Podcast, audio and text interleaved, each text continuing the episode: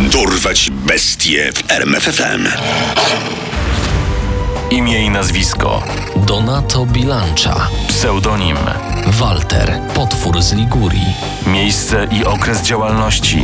Włochy 1997-1998, Ulubione narzędzie zbrodni. rewolwer, kaliber 38, Liczba ofiar. 17. Donato Bilancza urodził się w 1951 roku w miasteczku Potenza na południu Włoch. Gdy miał 5 lat, jego rodzice zdecydowali o przeprowadzce na północ kraju. Najpierw do Piemontu, a potem do Genui. Od najmłodszych lat do początków okresu dojrzewania Donato moczył łóżko niemal co noc. Jego matka, prawdopodobnie chcąc go tego oduczyć, poniżała małego chłopca. No i co? Znów się zlałeś. Cały materac jest mokry. Wiesz, co teraz będzie? Wysuszymy materac na balkonie i wszyscy sąsiedzi zobaczą, że sikasz w majtki. A koledzy z podwórka ci to sobie poużywają. Ciotka Donato wymyśliła nieco inny sposób na radzenie sobie z problemem. Jej pomysłem było poniżanie chłopaka przed rodzeństwem i kuzynostwem. Tuż przed pójściem spać zdzierała z niego spodnie i pokazując na jego przyrodzenie krzyczała do pozostałych dzieci. Patrzcie, widzicie go? Taki mały, taki żałosny, a tyle szkód wyrządza. I żeby wam nie przeszło przez myśl, współczuć temu siuszymajtkowi. Donato przestał moczyć łóżko dopiero po skończeniu 12 roku życia, ale wyrządzone przez bliskich krzywdy z tego okresu zostały z nim na zawsze. W wieku 14 lat zakończył swoją edukację i zaczął pracować. Bywał mechanikiem, barmanem, piekarzem i dostawcą jedzenia. Jak szybko się przekonał, z uczciwej pracy na niskich stanowiskach trudno było wyżyć, a co dopiero spełniać jakieś marzenia, więc szybko zwrócił się w stronę kariery przestępczej. Przybrał też pseudonim. Przedstawiał się jako Walter. Jeszcze jako niepełnoletni chłopak został dwukrotnie aresztowany. Po raz pierwszy za kradzież skutera, a po raz drugi Do wszystkich jednostek skradziono furgonetkę. Podejrzany to kilkunastoletni chłopak. W furgonetce był zapas świątecznych słodyczy. Odbiór? Centrala? Jaja sobie robicie? Odbiór. Nie robimy. Numer rejestracyjny furgonetki to... Cóż, młody Donato może nie był geniuszem zbrodni, ale i tak w tym fachu szło mu lepiej niż w każdym innym, którego próbował. Utrzymywał się więc z mniejszych i większych napadów. W 1974 roku aresztowano go za nielegalne posiadanie broni. W więzieniu zaobserwowano u niego problemy i skierowano na oddział psychiatryczny szpitala miejskiego w Genui. Bilancza nie zagrzał tam długo miejsca. Panie Bilancza, pora na leki. Panie Bilancza? O kurde, zwiał! Niedługo po ucieczce ze szpitala znów wpadł w ręce policji po nieudanym napadzie i spędził kolejne 18 miesięcy w więzieniu. W zasadzie całe swoje życie spędzał to na wolności, to w areszcie we Włoszech lub we Francji. Jednak mimo bogatej historii kryminalnej i udokumentowanych problemów psychiatrycznych, nie był skłonny do przemocy. W jego aktach nie było żadnej wzmianki o pobiciu, ranieniu czy zabójstwie. Jednak po 46 latach życia coś w nim pękło. A wszystko zaczęło się od przyjaciela, któremu Donato, Walter Bilancza, nie powinien był ufać. Mówię ci, Walter, stary ta gra to pewniak. Sami amatorzy, a wszystko jest tak ustawione, że oskubiesz ich do gołego. Hazard to pasja, która towarzyszyła Bilanczy niemal od początku jego przestępczej kariery. Dlatego wszedł do gry. A to, że Giorgio Centaro zapewnił go o zwycięstwie, sprawiło, że Donato grał naprawdę rozrzutnie. Sama gra, zgodnie z zapewnieniami Centaro, była ustawiona, ale nie pod Bilancze, który przegrał w niej równowartość 270 tysięcy dolarów. Walter ciężko przeżył swoją porażkę, a jeszcze ciężej zdradę ze strony przyjaciela. W końcu doszedł do wniosku, że ma tylko jedno wyjście z sytuacji zemstę. I tak w październiku 1997 roku postanowił, że zabije swojego byłego przyjaciela. W tym celu kupił rewolwer kaliber 38 i zaczaił się na Centaro. Jednak gdy tylko go zobaczył, zamiast strzelać, zaczął go dusić. Wystawiłeś mnie, bydlaku, więc teraz zginiesz. Rozgniotę cię jak robaka. Według niektórych wersji Centaro nie zginął bezpośrednio z rąk Bilanczy. Tym, co go zabiło, był zawał spowodowany szokiem, że Walter zdobył się na tak drastyczny krok. Niezależnie od tego, jak było naprawdę, efekt był ten sam. Centaro leżał martwy, a Bilancza był przekonany, że odebrał mu życie. Nie był jednak zbytnio przejęty tym, co zrobił. Doszedł do wniosku, że raczej chce więcej. Więcej zemsty, więcej władzy nad życiem innych, więcej ofiar.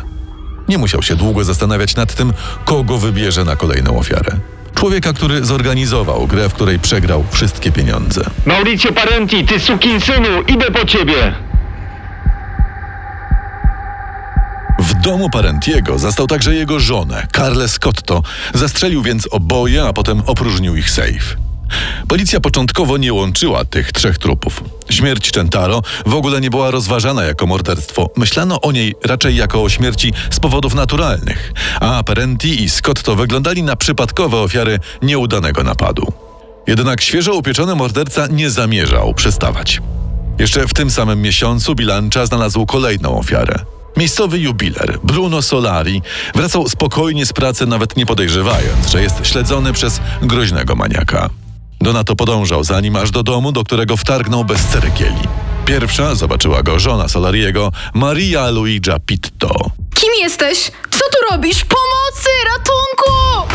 Nie mogąc znieść krzyku kobiety, bez chwili namysłu strzelił do niej, a moment później do biegnącego w jej kierunku Bruna. Następnie rozpruł ich sejf, a zwłoki, tak jak wcześniej, pozostawił tam, gdzie upadły. Kolejną ofiarą Waltera był właściciel kantoru, którego również okradł. Dwa miesiące później Donato zabił stróża nocnego, który właśnie robił obchód. Pytany o powód tego morderstwa, Bilancza odpowiadał. Nie wiem, nie podobało mi się to jak łaził.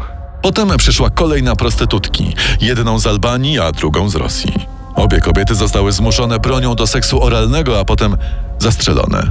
Następnie Bilancza opatrzył sobie kolejnego właściciela kantoru, poszedł za nim do domu, zastrzelił go i opróżnił sejf.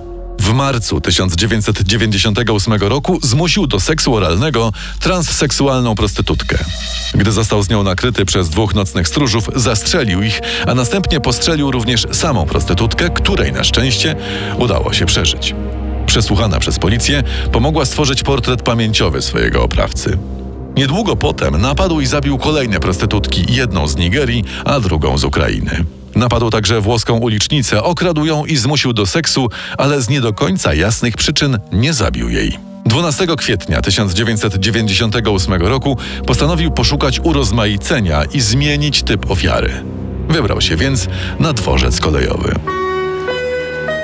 Pociąg ze stacji Genoa do stacji Wenecja jedzie 104 przy peronie drugim. Na dworcu zobaczył młodą kobietę, podróżującą samotnie i wsiadającą do właśnie wywołanego pociągu. Uznał ją za doskonałą kandydatkę na ofiarę i ruszył za nią. Gdy w trakcie podróży kobieta udała się do toalety, poszedł za nią i otworzył drzwi uniwersalnym kluczem. Co pan tu robi? Proszę wyjść! Donato oddał jeden strzał w głowę kobiety, ukradł jej bilet i wysiadł w Wenecji.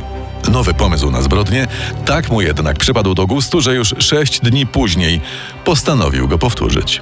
Tym razem w pociągu do Sanremo. Ponownie wypatrzył młodą kobietę i poszedł za nią do toalety.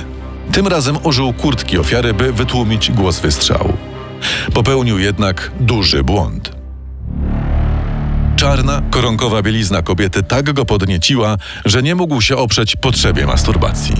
Gdy skończył, wytarł się w ubrania ofiary. Śmierć dwóch szanowanych kobiet była kroplą, która przelała czarę goryczy. Opinia publiczna zażądała natychmiastowych efektów od włoskiej policji. Stworzono więc grupę do zadań specjalnych, która zgromadziła dotychczasowe dowody w sprawach niewyjaśnionych śmierci na włoskiej Rivierze. Zapewniam Państwa, że trzymamy rękę na pulsie, a zebrany do tej pory materiał dowodowy wskazuje w sposób jednoznaczny na jednego z podejrzanych. Na podstawie opisu czarnego Mercedesa, w którym znikały zamordowane prostytutki i portretu pamięciowego, policja skupiła się właśnie na Donato Bilanczy. Śledząc go przez 10 dni, zbierali filtry z papierosów i kubki po kawie, próbując dopasować jego DNA do tego pozostawionego na miejscach zbrodni, w tym na ubraniach dziewczyny z pociągu. Jednak nim doszło do aresztowania, Bilancza zabił jeszcze jedną osobę pracownika stacji benzynowej. Tankujemy do pełna? Ta, do pełna proszę. Po zastrzeleniu mężczyzny ukradł ze stacji cały utarg 2 miliony lirów, czyli równowartość tysiąca dolarów. Wreszcie 6 maja 1998 roku policjanci zapukali do domu przestępcy. Otwierać policja! Panie Bilancza, mamy nakaz pańskiego aresztowania. W domu policjanci znaleźli rewolwer, idealnie pasujący do ran ofiar. Przez 8 dni przesłuchania nie przynosiły jednak żadnego efektu. Donato milczał. Jednak ósmego dnia coś się zmieniło. Bilancza zaczął się przyznawać do wszystkiego, nawet do zbrodni, których policja z nim nie łączyła. Powiem wam wszystko.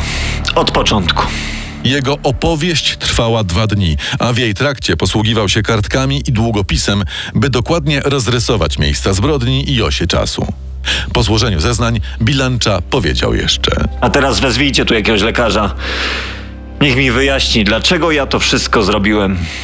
Po trwającym 11 miesięcy procesie, w którym zaprezentowano przytłaczające dowody, zeznania dwóch ocalałych prostytutek oraz samo przyznanie się do winy Donato Waltera Bilanczy, sąd skazał go na 13 wyroków dożywocia plus 20 lat pozbawienia wolności za usiłowanie zabójstwa na transseksualnej prostytutce, którą postrzelił. Sędzia orzekł, że Donato Bilancza nigdy nie powinien opuścić więzienia.